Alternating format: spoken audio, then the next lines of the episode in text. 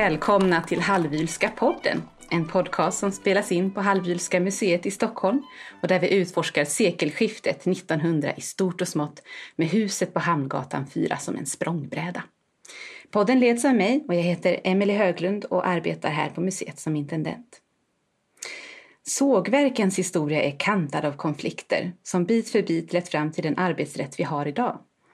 Arbetsgivare och arbetskraft stod i ett ömsesidigt beroendeförhållande till varandra och positionerna sågs som givna, men inte vilka rättigheter och skyldigheter de båda parterna skulle ha gentemot varann. Och här har man rört sig från bondesamhällets sätt att hantera anställningar och tillhörighet till nya former som bättre skulle möta den nya verkligheten vid verk och industri. Och det är den här glidningen och fackets kamp som vi ska prata om idag. Självklart utifrån exemplet Ljusne Vuxna, familjeföretaget, men också branschen i stort. Med mig i det här har jag intendent Asmara Nigusse härifrån museet hej, hej. och Bo Persson som är lektor i historia ifrån Stockholms universitet som är med på länk. Välkomna! Tack!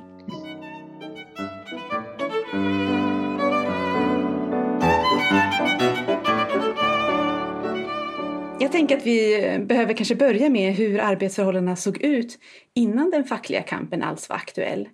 När kan man eh, alls börja prata om att man får en eh, fri marknad för köp och försäljning av arbetskraft i Sverige? Mm, du ställer så svåra frågor. eh, eh, arbetskraft eh, behövs ju dels i jordbruket mycket tidigt så att säga. Sen i samband med att järnbruken och manufakturer kommer igång under 1600-1700-talet men sen en riktig industrialisering kommer ju egentligen inte förrän under mitten av 1800-talet, kanske först med textilindustrin men sen också eh, med sågverken som ju växer fram början kan man säga, eller en bit in i 1800-talet och framförallt från mitten av 1800-talet. När ångsågarna kommer och man får stora anläggningar som också ligger vid kusterna sådär. Eh, där krävs ju, precis som i textilindustrin, så krävs mycket arbetskraft. Jättemycket arbetskraft. Det är ju en låg mekanisering kan man säga utav de här tillverkningarna. Men det behövs mycket folk, både för att sköta maskiner men också för det som är i den tidiga industrin. Det behövs folk som flyttar grejer, som lyfter grejer, som flyttar grejer från en plats till en annan i ett långt flöde så att säga. Det gäller liksom alla industrier vid den tiden kan man säga. Och då uppstår ett stort behov av arbetskraft som ju inte har någon riktig ordentlig reglering under lång tid sådär. Utan det är en relativt fri marknad och som är arbetsköparnas marknad om man säger så. Väldigt mycket. Eh, det frigörs många ifrån jordbruket i och med att jordbruket Eh, kommersialiseras på ett annat sätt än tidigare. Det sker en jättestor befolkningsökning från början av 1800-talet. Alla kan inte ärva jord. Det blir en stor marknad för de jordlösa barnen till jordbrukarna. En del av dem söker sig till städerna, till textilindustri och sådana saker. En del söker sig till de nya arbetsplatserna vid sågverken till exempel.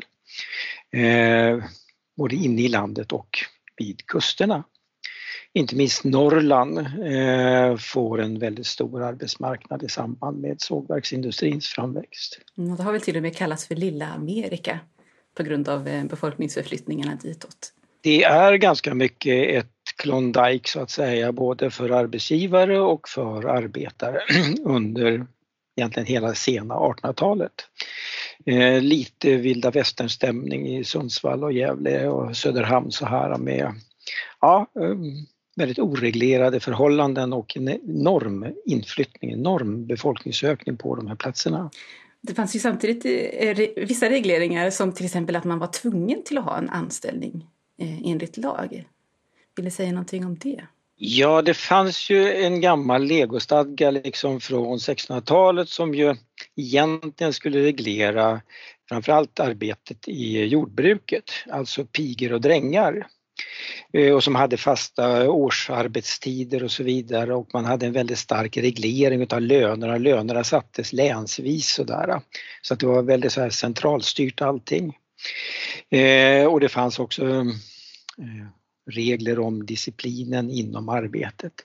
Legostadgan blev allt mer föråldrad kan man väl säga och jag tror 1833 så gjorde man om den ganska mycket och den fick inte så stor tillämpning inom industrin. Industrin var en väldigt fri marknad för det. Man använde sällan legostadgan när det gäller det. Sen hade man ju också ett eh, ett tvång att man måste stå under, man tyckte inte om i samhället att det fanns lösa personer som drev omkring och som kunde göra lite vad de ville, som inte stod under något husbondevälde. Så att eh, det fanns en reglering om det där att om man inte hade laga försvar som det hette så kunde man bli tagen utav polisen eller utav myndigheterna och satt i, satt i tvångsarbete. Men det här försvann också Laga försvar försvann någon gång på 1880-talet, om jag inte missminner mig. Eh, och ersattes utav en lösdriveristadga som fanns väldigt långt fram i tiden egentligen. Men som egentligen kan man säga den användes mest mot luffare. Jag har läst Harry Martinsson om luffaren Bolle så är han alltid orolig för att bli tagen utav fjärdingsmännen liksom och så blir han skickad till Svartsjö på tvångsarbete på, på Svartsjölandet. eh, så att, eh, men det var framförallt mot dem. Sen kunde den användas. Den användes vid Sundsvallsstrejken eh, 1879 för de som inte hade någon arbetsgivare. Men det är liksom lite grann i slutfasen på, eh, och då gällde fortfarande den här stadgan om laga försvar. Mm. Eh, men annars var det en ganska fri arbetsmarknad med i positiv och negativ betydelse. Liksom. Man, man fick rå sig själv väldigt mycket.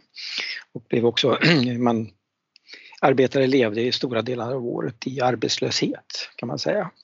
Man hade påhugg då och då. Men för många, speciellt de som var outbildade, så större delen av året liksom så var man utan fasta arbeten och sen fick man påhugg här några månader. Eh, Norrland är väldigt typiskt på det sättet att sågverkssäsongen det är också en relativt kort säsong. Det är sommarmånaderna när isen har gått upp. Då finns det mycket jobb så att säga. När isarna lägger sig så är det bara en del som får jobb i det.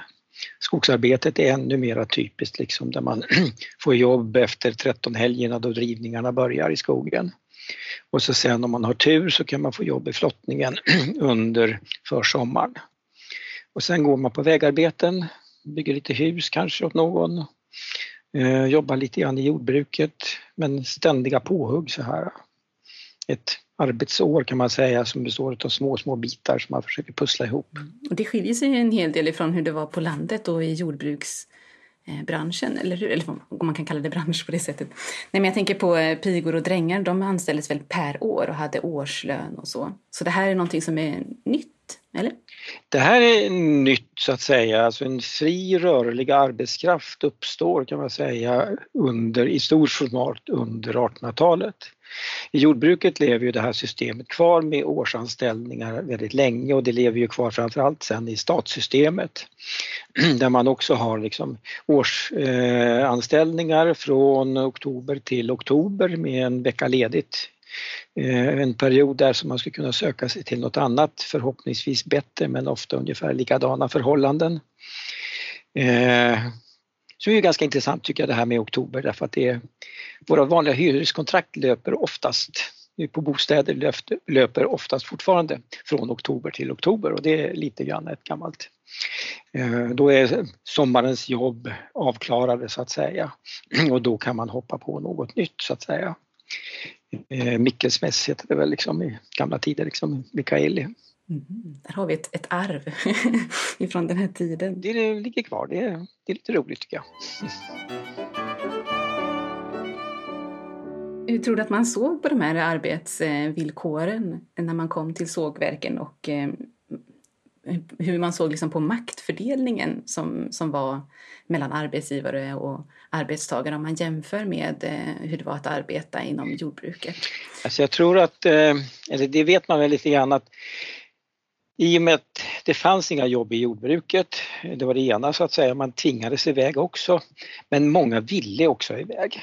Att eh, jobba i jordbruket på årsbasis sådär och ha en bonde ovanför sig med en väldigt stor makt, då var det ganska fördelaktigt, att, trodde man åtminstone, att söka sig till mycket friare förhållanden där man kunde börja arbetet när man ville, sluta när man ville, eh, rå sig själv ganska mycket. Förhoppningarna om att få kanske eh, kunna tjäna lite mera, vilket man ju ibland kunde. Eh, ofta var ju stadsjobben bättre betalda än, än jordbruksdräng eh, och pigajobb sådär. Så både män och kvinnor sökte sig från jordbruket också lite aktivt in till städerna i hopp om att få jobb, att kunna rå sig själv, att kunna bo själv. Att inte liksom bo i en drängkammare eller en pikkammare liksom med någon som kontrollerade vem man umgicks med och så vidare. Det, det, det finns den frihetsaspekten också i det här. Eh, sen hamnar man ju i en annan relation men den var lite annorlunda och den var också utav mycket mera tillfällig art så att säga. Tog du jobb som dräng så var du ju egentligen tvungen att jobba som dräng ett år framöver eller som piga. Så på det sättet så fanns det också en, där är jämförelsen med Amerika ganska bra liksom tycker jag. Därför att det, det lockade också det här, man kan tjäna mycket pengar eh, genom att eh, jobba på sågarna i Sundsvall eller i Söderhamn. eh, sen kanske det inte alltid blev så men, men eh, många har ju också lite vittnat om att jo, men det var ett friare liv ändå när man kom in till större samhällen. Man hade ingen som kollade en hela tiden. Förutom då på de här lite mera patriarkala sågverken som uppe i Modo och så vidare eller i Holmsund och så vidare liksom utanför Umeå. Eh, där patron eh, höll koll på sina arbeten. Det gjorde man inte överallt men på många ställen så fanns det ju fortfarande en, en kontroll ifrån överheten. För det där är ju lite spännande tänker jag också just med tanke på eh, bönderna som husbonde och så att då hade man också någon sorts ansvar för dem som hörde till, till hushållet. Är det någonting som följer med in i, eh, i arbetsledningen vid sågverken eller är det helt ny, nytt ark? Det är bitvis ett helt nytt ark därför att eh, de flesta sågverksägare tar ju inget ansvar för någonting än liksom själva arbetsförhållande, eh, arbetskontraktet så att säga. Du gör det här, du får den här lönen and that's it. Sen eh, sköter du dig själv. Eh, på sågverken som ju växer upp på, på um, orter där det inte finns riktigt någon om vi så modernt ord säger, någon infrastruktur förut liksom med bostäder och så vidare, så byggs ju baracker eller kaserner på olika sätt för arbetarna, både för de som man vill behålla lite längre och som man gärna vill knyta till sig, alltså de som är erfarna, de som kanske har någon form av erfarenhet utav hur man ställer en såg och så vidare eller hur man filar sågar och så. Så tar man hand om dem på det sättet liksom för att de måste ju kunna bo någonstans under den här perioden. På det sättet så har man ett visst ansvar för bostäder. Eh, de som får tillgång till eh, de lite bättre bostäderna de har ju också fri vedbrand så att säga, de har ofta fri bostad. Vilket ju eh, är en stor fördel liksom och en stor kostnad för de flesta andra människor. De som bor i de lite enklare kasernerna, de som är säsongjobbare är ju ofta ungkarlar, ogifta de eh, bor ju enklare så att säga och har inte fri logi och sådana saker heller. Eh, så på det sättet så är det ganska nytt det som kommer. Det är ett mycket mera rent kontrakt. Och där har man ju skillnaden då till de här lite mera patriarkala sågverkssamhällena. Eh, där man har en större omsorg som liknar det gamla husbondeväldet liksom från, från jordbruket men som ju också liknar det som har funnits länge i brukssamhällena. Eh, alltså i järnbruken i Mellansverige och även i Mellannorrland som ju finns en del brukssamhällen. Där man mera har liksom en, en omsorg, man har lite fri, eller man har fri sjukvård och sådana saker man tar hand om mer. Det är liksom lite mera bondesamhället som flyttar ut in i en mera industriell miljö. Men som i städerna, textilfabrikerna och så vidare, där finns ju ingenting utav det här. Utan där är det det rena lönekontraktet så att säga. Hur är det med det här med lydnad då? Jag tänker att eh, inom, inom jordbruket så förväntades man ju också vara lydig sin husbonde eh, på ett sätt. Ofta har man ju ordningsregler på sågarna där man eh, bestämmer liksom vad som får göras. Man får till exempel inte dricka brännvin och sådana saker. Eh, man får en arbetsdisciplin, det är ju en viktig sak. Eh, det finns ju även inom jordbruket så att säga, där, stiger man upp när solen går upp och så går man och lägger sig ner och så är dagen fylld utav arbete. Här är det ju som man har sagt, det är ju liksom fabriksvisslan som kallar folk till arbetet. Och sen har man eh, bestämda tider eh, där man ska jobba.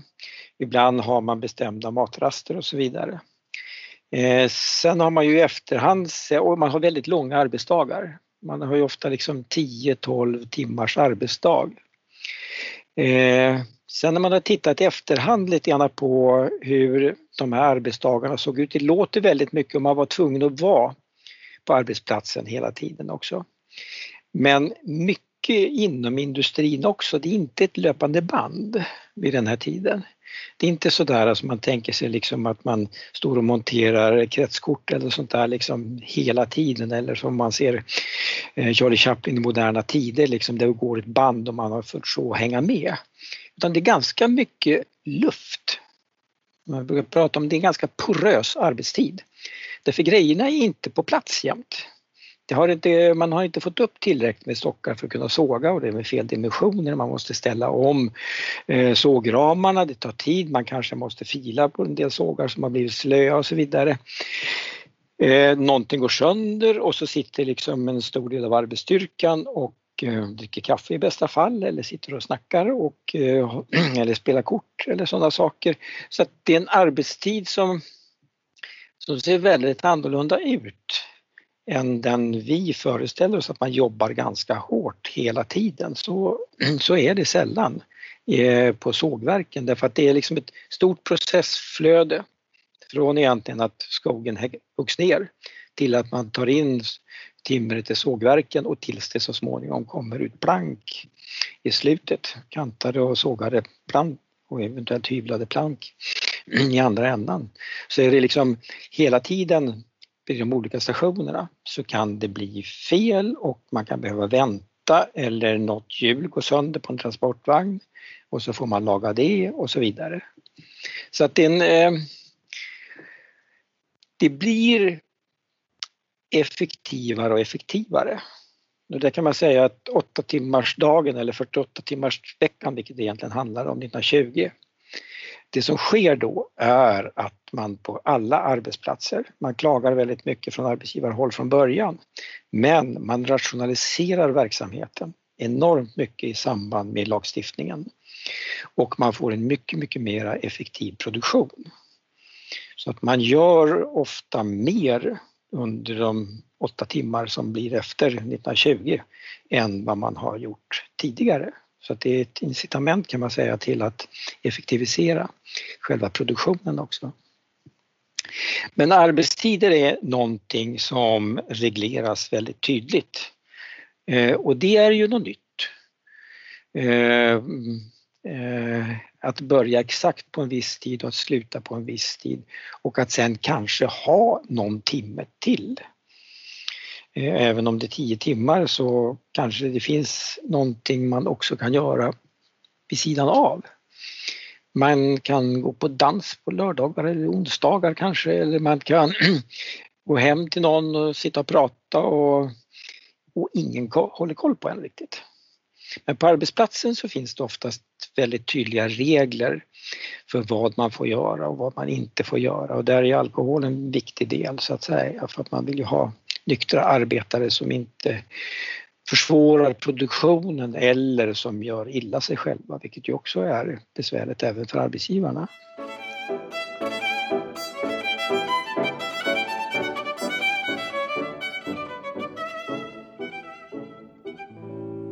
Om man ser till Ljusne, eh, hur, hur pass patriarkalt eh, var det företagets ledning skulle du säga, Samara? Ja, det följer eh, urtypen av det. Men jag tycker att det är intressant det du säger här om kontrakt också. För att i Ljusne så kan man ju faktiskt se på kontrakten att de speglar det du berättar här. Att det är till exempel när det är kontrakt för säsongsarbetare så är det oftast eh, olika lag, eh, vare sig det är flottning eller vid sågverket och så. Och då är mer bara fokus på eh, ackord, eh, Eh, kostnaden, vad kommer de få av sitt arbete, arbetstiden, hur den är reglerad, ehm, vad det är för sorts eh, straffavgift om de inte möter sina mål eller inte uppnår rätt kvalitet och så. Så att man vet redan från början innan man utför arbetet vad som är förväntat av båda parter. Ehm, men när det kommer till eh, de man vill hålla kvar, de bofasta, de med stor skicklighet eller specialisering, då ser man ju att då kommer det också in det här med att eh, fri bostad ska tillhandahållas, alla förmåner man får. Eh, men också då så stänger de oftast in också att eh, det ansvaret som finns hos arbetaren är ju också att hålla rent och snyggt. Så att det här patriarkala när det kommer till att man ska ha en skötsam arbetare och det här lite moraliska översynen från brukspatronen följer med in i hur man formulerar kontraktet. Och det tycker jag är lite intressant. Och sen när det kommer till Eh, konflikter. Vid något tillfälle där i Ljusne, jag tror 1906 så är det några smedjearbetare då som eh, är upprörd över den låga lönen. Men det jag tycker är intressant är att de också påpekar då att ja, de har ju inte fått se kontraktet efter att de har skrivit det och de undrar om inte bruksledningen begår ungefär kontraktsbrott för att de tvingas att arbeta extra på helgen. Här ser man ju också hur de värnar om sin fritid. Vilket man då inte hade när man var dräng tidigare. Så att mm. Där ser man ju att det är mycket klarare bild av eh, privattid och arbetstid och att den är reglerad och att båda har ansvar att upprätthålla de här förhållandena. Nu kanske jag kom bort från din fråga.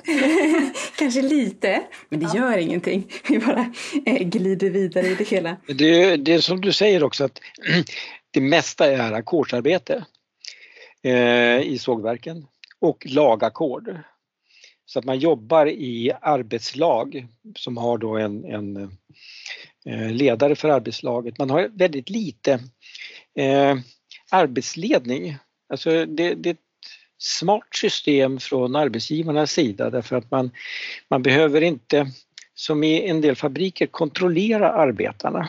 Utan arbetarna jobbar i lag väldigt självständigt, väldigt självstyrande. Men på ackord vilket gör liksom att det driver framåt så att säga. Men de själva avgör lite grann hur jobbet ska göras. Vid sidan utav då de som du säger, liksom, de är väldigt yrkesskickliga som ju ofta går in då och då och gör saker. Inte minst de här servicearbetarna som växer fram sen, liksom de som smörjer maskinerna och så vidare. De jobbar ju inte på ackord utan de jobbar ju faktiskt till och med på timlön vid den här tiden, vilket ju är annars ovanligt eh, inom arbetslivet att man jobbar på timlön och får betalt förutom tjänstemän och sånt då. Men därför att de har uppgifter som ska utföras då och då och då har de också en lite friare arbetstid. Och eh, de behöver göra, de är mera liksom anställda för att göra en uppgift än för att producera en viss mängd utav saker och ting. Men det gör ju också att det driver på, ju mer du jobbar desto eh, mer kan du tjäna om nu inte kontrakten förhandlas om. Om man sänker ackordspriset, vilket ju blir vanligt om man försöker jobba upp sin lön allt för mycket. Så är det även modern tid. Det är det man menar med den där kommentaren att förstör inte ackordet nu. Precis. man får inte jobba för bra, riktigt. Nej, det fick jag lära mig när jag började jobba. Efter att ha gått ut skolan så jobbade jag på eh, Kodak. Där var man ju väldigt noga med just det här att man inte fick förstöra ackorden. Man fick inte jobba för mycket. Man sågs väldigt illa om man försökte vara för bra. För att då sades omedelbart eh, kontraktet upp och så fick man mycket sämre ackord. Och det var liksom ständigt pågående ackordsförhandlingarna. Och så var det ju på den här tiden också att eh, ackorden kunde försämras. Och när tiderna blev sämre, eh, branschen, sågverksbranschen är ju extremt konjunkturkänslig, så att när man inte fick in tillräckligt med order så försökte man ju sänka ackorden, försökte anställa folk på sämre villkor för att minska eh, lönekostnaderna. Hur fungerar den här avtalsskrivningen? Jag förstår det som att eh, initialt så skriver man avtal med eh, varje arbetare för sig eller kanske små grupper. Men det fanns inga, inga kollektivavtal liksom för branschen. Det säger någonting om det?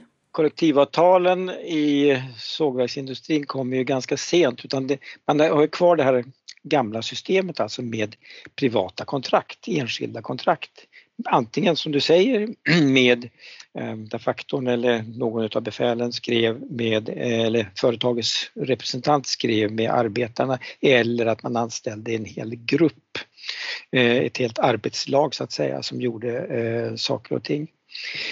Och där eh, man var emot, eh, alltså från arbetstagarhåll så växte det ju fram det här liksom att man ville ha eh, arbetsvillkoren reglerade kollektivt. Därför att i och med att man hade privata kontrakt så kunde kontrakten se lite olika ut. Eh, var man lite duktigare så kanske man kunde få ett bättre kontrakt men framförallt så blev ju varje arbetare för, det blev varje arbetare för sig. Eh, och det blev svårt att förhandla fram ett bättre kontrakt. Eh, på det sättet så gynnar det ju de enskilda kontrakten arbetsgivarna väldigt ensidigt på det sättet. Eh, vanligtvis så, så sågverken är ju ett säsongarbete och var väldigt länge framförallt ett säsongarbete. Så småningom börjar man ju såga året runt så att säga men länge så sågar man ju bara under säsongen. Eh, och då strömmar folk till och då eh, går man in på kontoret och eh, träffar någon av företagets representanter och skriver kontrakt som ju ofta då är väldigt schablonartade, ofta förtryckta och så vidare. Och sen får man sin anställning på det sättet. Men man vägrar ju länge förhandla kollektivt för dem via fackföreningar. Och därför är ju fack, eh, kollektivavtalen är ju fackföreningarnas väldigt tidiga krav på att reglera eh, eh, arbetsförhållanden. För då kan man minska den här, det är alltså de enskilda kontrakten gynnar ju en underbudskonkurrens hela tiden. Jag kan ta det här jobbet mycket billigare än han där borta. Eh, och därför bör du anställa mig och jag är ändå väldigt duktig och jobbar väldigt hårt. Och det gör ju liksom att lönerna pressas ner hela tiden så att de ligger på en väldigt låg nivå. Och det är ju liksom den gamla tanken liksom på att går vi samman så kan vi också få bättre villkor. Det fanns ju väldigt tydligt i den gamla legostadgan, nämligen att eh, sammanrotningar eh, utav arbetarna var strängt förbjudet. För redan på 1600-talet så förstod man det att man tillsammans kunde få mycket bättre avtal än var och en för sig. Och det här visste ju arbetsgivarna vid den här tiden också och därför förordade man eh, de enskilda eh, kontrakten. Är det det här som arbetsgivarna menar med termen arbetets frihet? Ja, det fanns ju liksom en tanke på arbetets frihet som i grunden var ömsesidig. Att eh, arbetarna har rätt att ta arbete för vem som helst under vilka villkor som helst. Och arbetsgivaren har rätt att anställa vem han ville på vilka eh, villkor som helst så att säga. Så att det var reglerat, det fanns en slags personlighetsprincip som var grunden för det här arbetets frihet. Det är jag och du som gör det här kontraktet med ett ömsesidigt kontrakt. Jag ger du ger, jag tar, du tar så att säga. Eh, det var det som var grunden också för det här patriarkala eh, idealen som fanns eh, på Ljusne Voxna och som ju också fanns inte minst uppe i Örnsköldsvik hos eh, Frans Kempe och hans släktingar så här att det är ett arbetets frihet som gäller liksom för båda parter. Sen att maktförhållandet ändå var väldigt asymmetriskt mellan arbetsgivaren och arbetaren. Det var ju liksom en annan sida utav det hela men det fanns liksom en, man säger så, en idealprincip i det här. Det här fördes ju vidare sen så småningom eh, i en organisation som bildades eh, mycket senare än den här perioden, eh, nämligen liksom, den här strejkbrytarorganisationen eh, som just kallades Arbetsfrihet som framförallt var aktiv inom skogsbruket. Eh, men som ju också fanns eh, liknande organisationer även inom sågverken egentligen ganska tidigt, sådana här gula fackföreningar eh, som vägrade, som inte ville ha kollektivavtal utan som, som hyllade den här principen med arbetets frihet. Så att, eh, men det var liksom ett ideal som ju egentligen grundade sig på en väldigt ojämlik maktrelation. För det jag undrar där är också lite det känns ju som att det väldigt mycket beror på vilken situation du är som arbetare. Det känns som att säsongsarbetare, speciellt i början när det är högkonjunktur, har ju större möjlighet att använda fördelarna med arbetets frihet eftersom passar det inte så kan de dra vidare till nästa bruk helt enkelt. Och så samtidigt så kan de ju också utveckla sig själva mycket mer om vi jämför med eh, att vara dräng till exempel. Eh, du kan ju bygga upp din erfarenhet väldigt snabbt, gå vidare till nästa ställe och kräva högre lön för du har större erfarenheter och är mer specialiserad. Så på så sätt så kan du påverka dina förutsättningar mer. Men det försvinner ju när du blir bofast. Tycker jag i alla fall att man ser i och med att då helt plötsligt är det ju inte själva ackorden eller lönen som är din enda förtjänst med arbetet. Det är också din trygghet. Alltså din bostad, eh, dina barns skolgång, sjukvården för dig och din familj eh, hamnar i arbetsgivarens händer. Och då märker man ju att ja, till viss fall kan man också se där att ja, men, okej, okay, de kunde inte höja lönen så mycket just nu, men eh, min brukspatron ser mig som väldigt trogen så jag får en bättre bostad och så accepterar man det. Samtidigt så blir det ju ett problem då när eh, du vill förhandla för din egen del för du har en mycket svagare ställning. Du kan inte bara, eller du kanske inte vill, eh, bara packa upp allt du har och dra vidare. Och så kanske inte finns någonstans att gå vidare till. Mm. Det har ju funnits en, en eh, eh motsättning inom olika grenar utav arbetarrörelsen just när det gäller kollektivavtalen. Det känner ni säkert till, liksom med, med, det bildas ju en bit in på 1900-talet så bildas ju liksom en mer anarkistisk del utav arbetarrörelserna och som så småningom blir syndikalister.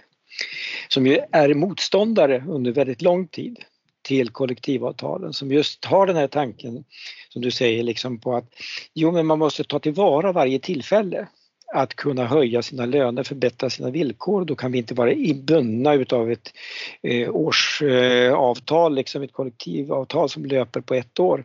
Utan eh, då måste vi alltid kunna gå in öppna en strejk om det blir högkonjunktur eller om det blir gynnsamma förhållanden för att kunna eh, höja lönerna. Nackdelen med taktiken har ju alltid varit det liksom att det är inte alltid högkonjunktur. Det finns inte alltid arbetsgivare som är villiga att betala bättre löner utan ofta så kan arbetsgivarna också gå samman och pressa ner lönerna. Eller det kan komma till en lågkonjunktur då arbetstillfällena blir väldigt, väldigt få och det inte går att hoppa mellan eh, arbetsgivare. Men den där spänningen har alltid funnits och finns ju än idag så att säga inom arbetstagargruppen. Man ser det väldigt brett så att säga. Det har funnits inte och finns inte minst liksom inom eh, tjänstemän idag och så att man gärna vill att eh, eh, folk inte ska vara knutna till några yttre saker utan eh, att man man kan också tjäna pengar genom att gå från det ena företaget till det andra och jobba upp sig. Speciellt idag när arbetsmarknaden är mycket mindre reglerad än vad den har varit förut och kollektivavtalen är färre så att säga också för många grupper. Så att det, har, det där är liksom två olika sidor och eh, för enskilda personer så har de eh, ju ofta liksom, eh, det är det som skapar också ska säga, problemen för fackföreningarna, nämligen att alla eh, arbetare inte riktigt gör på det här sättet utan en del gör på andra sätt och en del tar arbete fast det råder strejk eller blockad. Och då eh, får man problem med att hantera det. Liksom, kollektivet och solidariteten är liksom det som har varit kärnan liksom i den kollektiva arbetarrörelsen och som har stått emot den här individuella som för den enskilde kan ha varit väldigt fördelaktig ibland.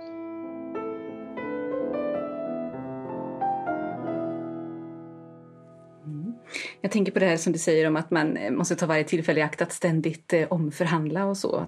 Fördelen med att inte vara bunden vid en årslön. Var det vanligt att det utbröt strejker under ett år? Nu tänker jag på den förfackliga tiden och så.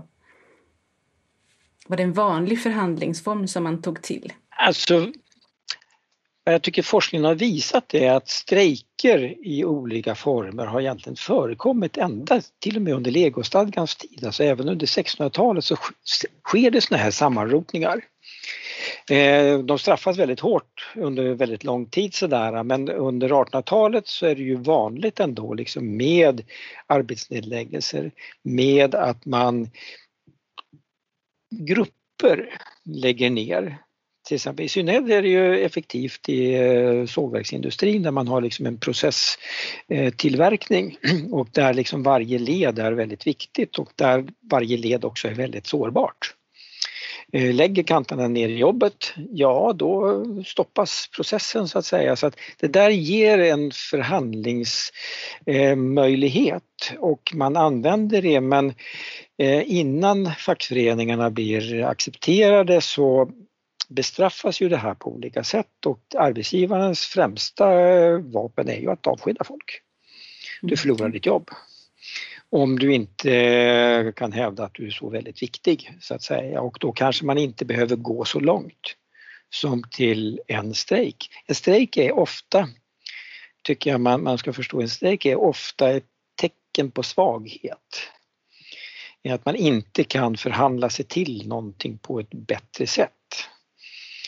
Ibland idylliserar man de här länderna i södra Europa, liksom Italien och Frankrike, där man ständigt strejkar och tänker liksom att ja, men arbetarrörelsen där är väldigt stark.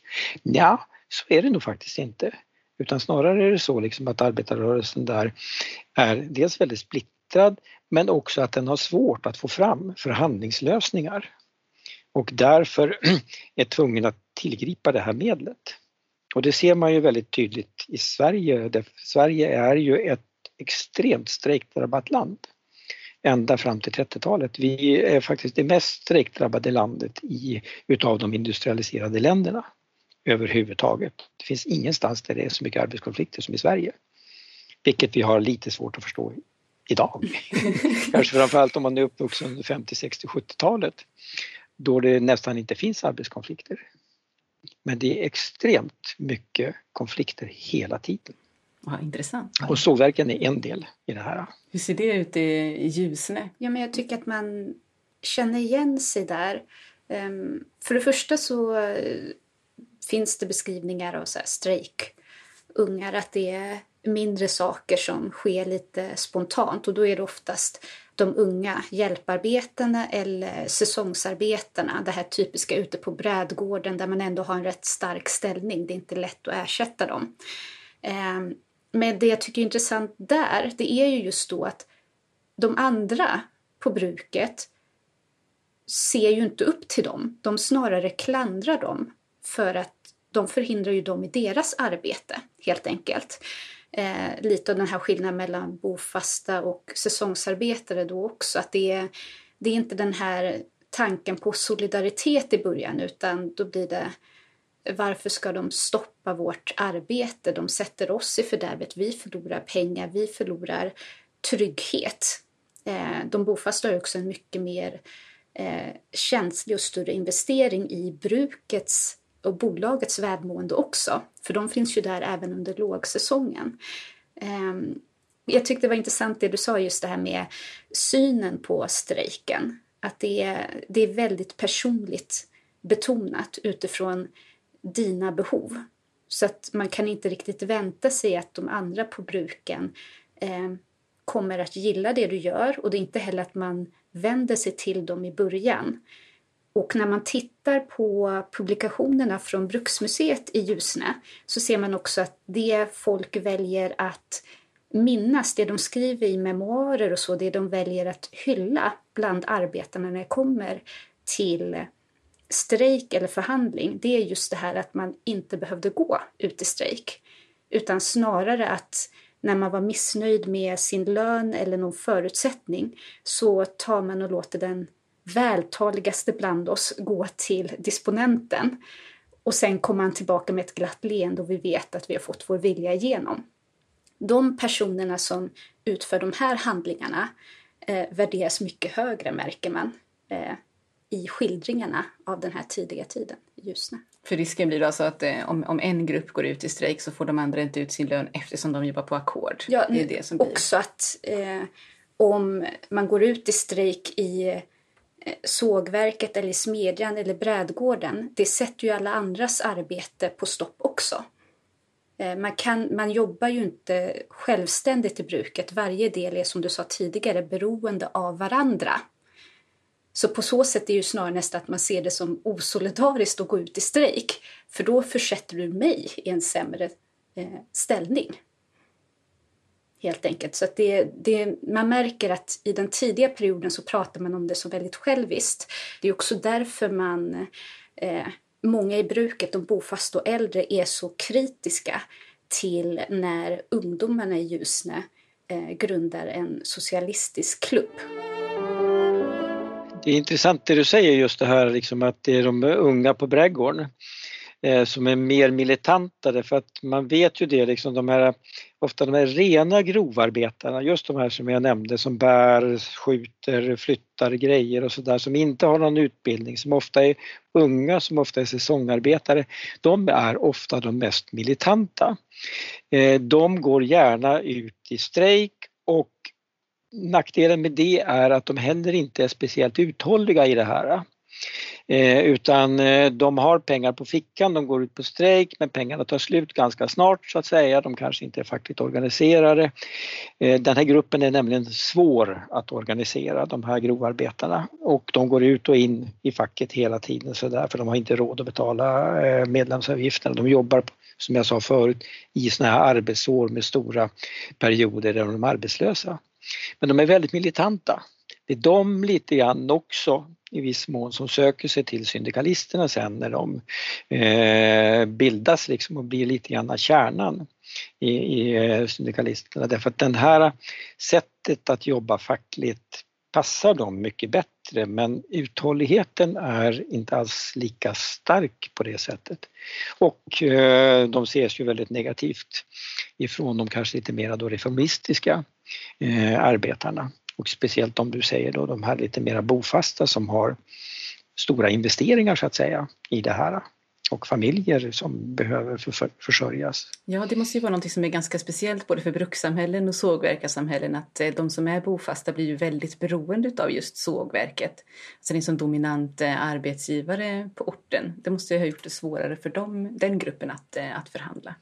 De har ju svårt att flytta tror jag, den gruppen sådär, därför att det, det eh, har ofta stor familj och de har det relativt bra eh, i förhållande till många andra arbetargrupper. Men det är där jag tror vi kommer tillbaka till det patriarkala som du talade om tidigare. Eh, för ja, när vi pratar om de här säsongsarbete, lösarbete eller så som går ut i oorganiserad strejk eller så, då ser man ju det, ja, du får sparken eller liknande bort ut ur bruket. Det händer ju i Ljusne också väldigt ofta, det är en tydlig linje där. Eh, men när det kommer till de bofasta, då tycker jag att man nästan ser med det patriarkala att man behåller den här mentaliteten om husbondens välde. Så att då handlar det inte så mycket om att du ska komma i konflikt utan det är snarare att genom att göra en mindre strejkunge eller typ hota om det, att gå till disponenten, eh, så synliggör du eh, dina behov helt enkelt och att det ligger på brukspatron som husbonde att se till de behoven och hjälpa dig. Det här eh, ömsesidiga avtalet igen, helt enkelt. Och det märker man ju väldigt starkt i i Ljusne. Eh, både i hur eh, Walter von Hallwyl, Kempe och von Eckermann sen också ser det som att det är de ska, som ska rå för arbetarnas välstånd och hälsa. Eh, men också med arbetarna i hur de väljer att förhandla och synliggöra eh, och organisera sig för att få det bättre. Helt enkelt. Så att det inte, som du säger igen, det är inte den här solidariska allmänna synen om att vi ska ha bättre utan det är att man organiserar sig för att synliggöra du som min husbonde, du som min brukspatron måste se till de här bristerna och se till eh, mitt välmående. Det är vårt morala kontrakt sinsemellan. Och sen så handlar det också om att det inte bara den här moraliska kontraktet och synen på det. Det handlar ju också om att brukspatronen är ansvarig för att hans arbetare och deras familjer inte ska belasta kommunen med till exempel fattigvård eller sjukvård. Så där ser man ju också det här strategiska. Det är inte bara för att han är en god brukspatron som man ordnar med skola, sjukhus, fattigvård. Det är för att om han inte gör det och arbetarna belastar kommunen eh, så är det mer mindre lagbrott eller han kommer att läggas på extra skatt eller straffavgift eller liknande. Ehm, så att oftast pratar man om att man är en god brukspatron som hjälper sina arbetare genom att eh, ge dem de här sakerna. Men samtidigt så är det också ett krav han får uppifrån, från kommunen. Han är väl ofta den största skattebetalaren också i kommunen så att säga så att det är lite, eh, han, han, jobbar för sig själv också. Jag såg någonstans någonting i någon eh, av de här minnesskrifterna som är, eller de här eh, publikationerna jag gett ut att eh, de, hade ett, de bildade en egen vad heter det, fattigvårdsdistrikt så att säga, själva bruket, alltså Ljusne vuxna. Så att man sköter det helt och hållet själv så att säga. Då ligger man helt utanför kommunen. Då kan man kontrollera både inkomster och utgifter när det gäller fattigvårdssamhälle heter det på den där tiden. Lite konstig term. Mm. Det ser man med pensionen också. Eh, när det kommer sen till nedläggningen av Ljusne så är ju en av de här stora grejerna man skriver är ju att eh, ja, men sågverket ska läggas ner men brukspatron ser ju till sina arbetare genom att eh, de äldre arbetarna kommer få ta del av en pensionskassa på en halv miljon som han bereder för dem. Helt enkelt. Men här handlar det också om att om det är han som bereder pensionskassan, också bostäderna där eh, de tidiga arbetarna ska bo på bruket, så styr han ju förutsättningarna. Eh, det märker vi ju även senare efter mot eh, von Eckermans tiden när det är en, en arbetare som går i pension som jobbat hela sitt liv i bruket så ja, han får en pension, han vill stanna på bruket så han får en bostad men man drar av en del av pensionen för kostnaden av bostaden. Och han får ju bara acceptera villkoren för det, helt enkelt. Um, och det är ju bruket som byggt upp bostaden. Så det är ju inte som att det är en extra avgift för dem, men man försöker hålla nere kostnaderna mm, mm. så långt det går.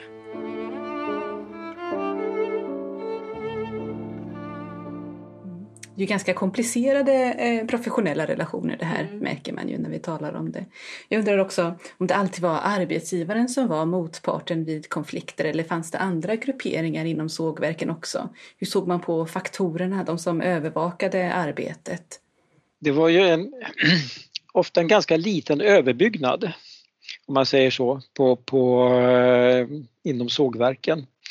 Eh, och inom den här typen av industrier. Alltså det var som jag sa förut, det är rätt självstyrande grupper. Det behövs inte mycket övervakning utav arbetet, det är rena ackordsarbeten. Eh, man gör det man ska därför att annars tjänar man inga pengar. Så man behöver inte ha liksom förmän som går överallt liksom och inspekterar utan man har en ganska, en ganska kort hierarki. Det är samma sak som inom skogsbruket också, alltså med avverkningarna i skogen. Det är väldigt kort liksom mellan bolagsledningen och de här faktorerna och lokalplanet. Det är liksom bara ett par led emellan. Och där ju eh, eh, de här faktorerna, inspektorerna, vilka titlar de har, räknas som en del utav arbetsgivarna väldigt tydligt. De har väldigt stora befogenheter också. De har rätt att teckna avtal och så vidare. Det behövs, därigenom så behövs det inte så stor administration centralt heller.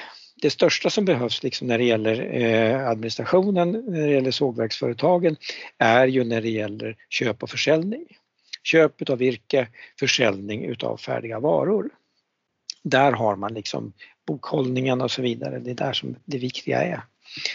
Sen finns det naturligtvis alltid eh, konflikter liksom om, om befäl och så. Fast jag tror inte att det är så väldigt tydligt. Jag har liksom inte riktigt den in, intrycket utav sågverken att man försöker strejka bort befäl och så vidare och försöka få dem förflyttade eller något sånt här utan det, det, eh, det kan vara så på andra arbetsplatser, liksom andra industrier och så men och det tror jag har att göra med det här ganska korta avståndet liksom direkt. Man träffar nästan arbetsgivaren direkt. Och man har ju ofta, i och med att det är bruksmiljö och i och med att, att eh, von Hallwyl, eh, även liksom Enhörning, Sundsvallspatronerna finns liksom synliga i samhället. Det är ingenting som sitter nere i Stockholm, även om Hallwyl har ett palats i Stockholm också så småningom. Eh, utan de är väldigt närvarande, vare sig man är liksom en patriarkal arbetsgivare eller om man är som flertalet i Sundsvall, eh, mycket mera liksom de här sågverkspatronerna som inte har några patriarkala ambitioner överhuvudtaget utan det handlar om att tjäna pengar väldigt mycket. Så finns man, man är synlig i samhället på ett helt annat sätt än vad man blir senare när eh, bolagsledningar sitter långt bort och så vidare. Det är kanske det som är problemet för Walter von Hallwyl, helt enkelt. Eh, för att där är det ju snarare som att det där sociala kontraktet bryts eftersom man inte är så närvarande i Ljusne.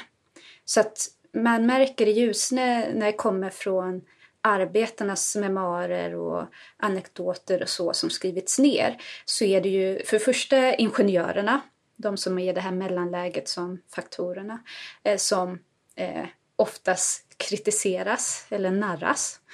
Eh, sen kommer disponenten och han verkar vara, ibland är han okej okay och det går att prata med honom och han är ett säkrare led ibland om det är en ingenjör man inte kan tala med så går man förbi dem.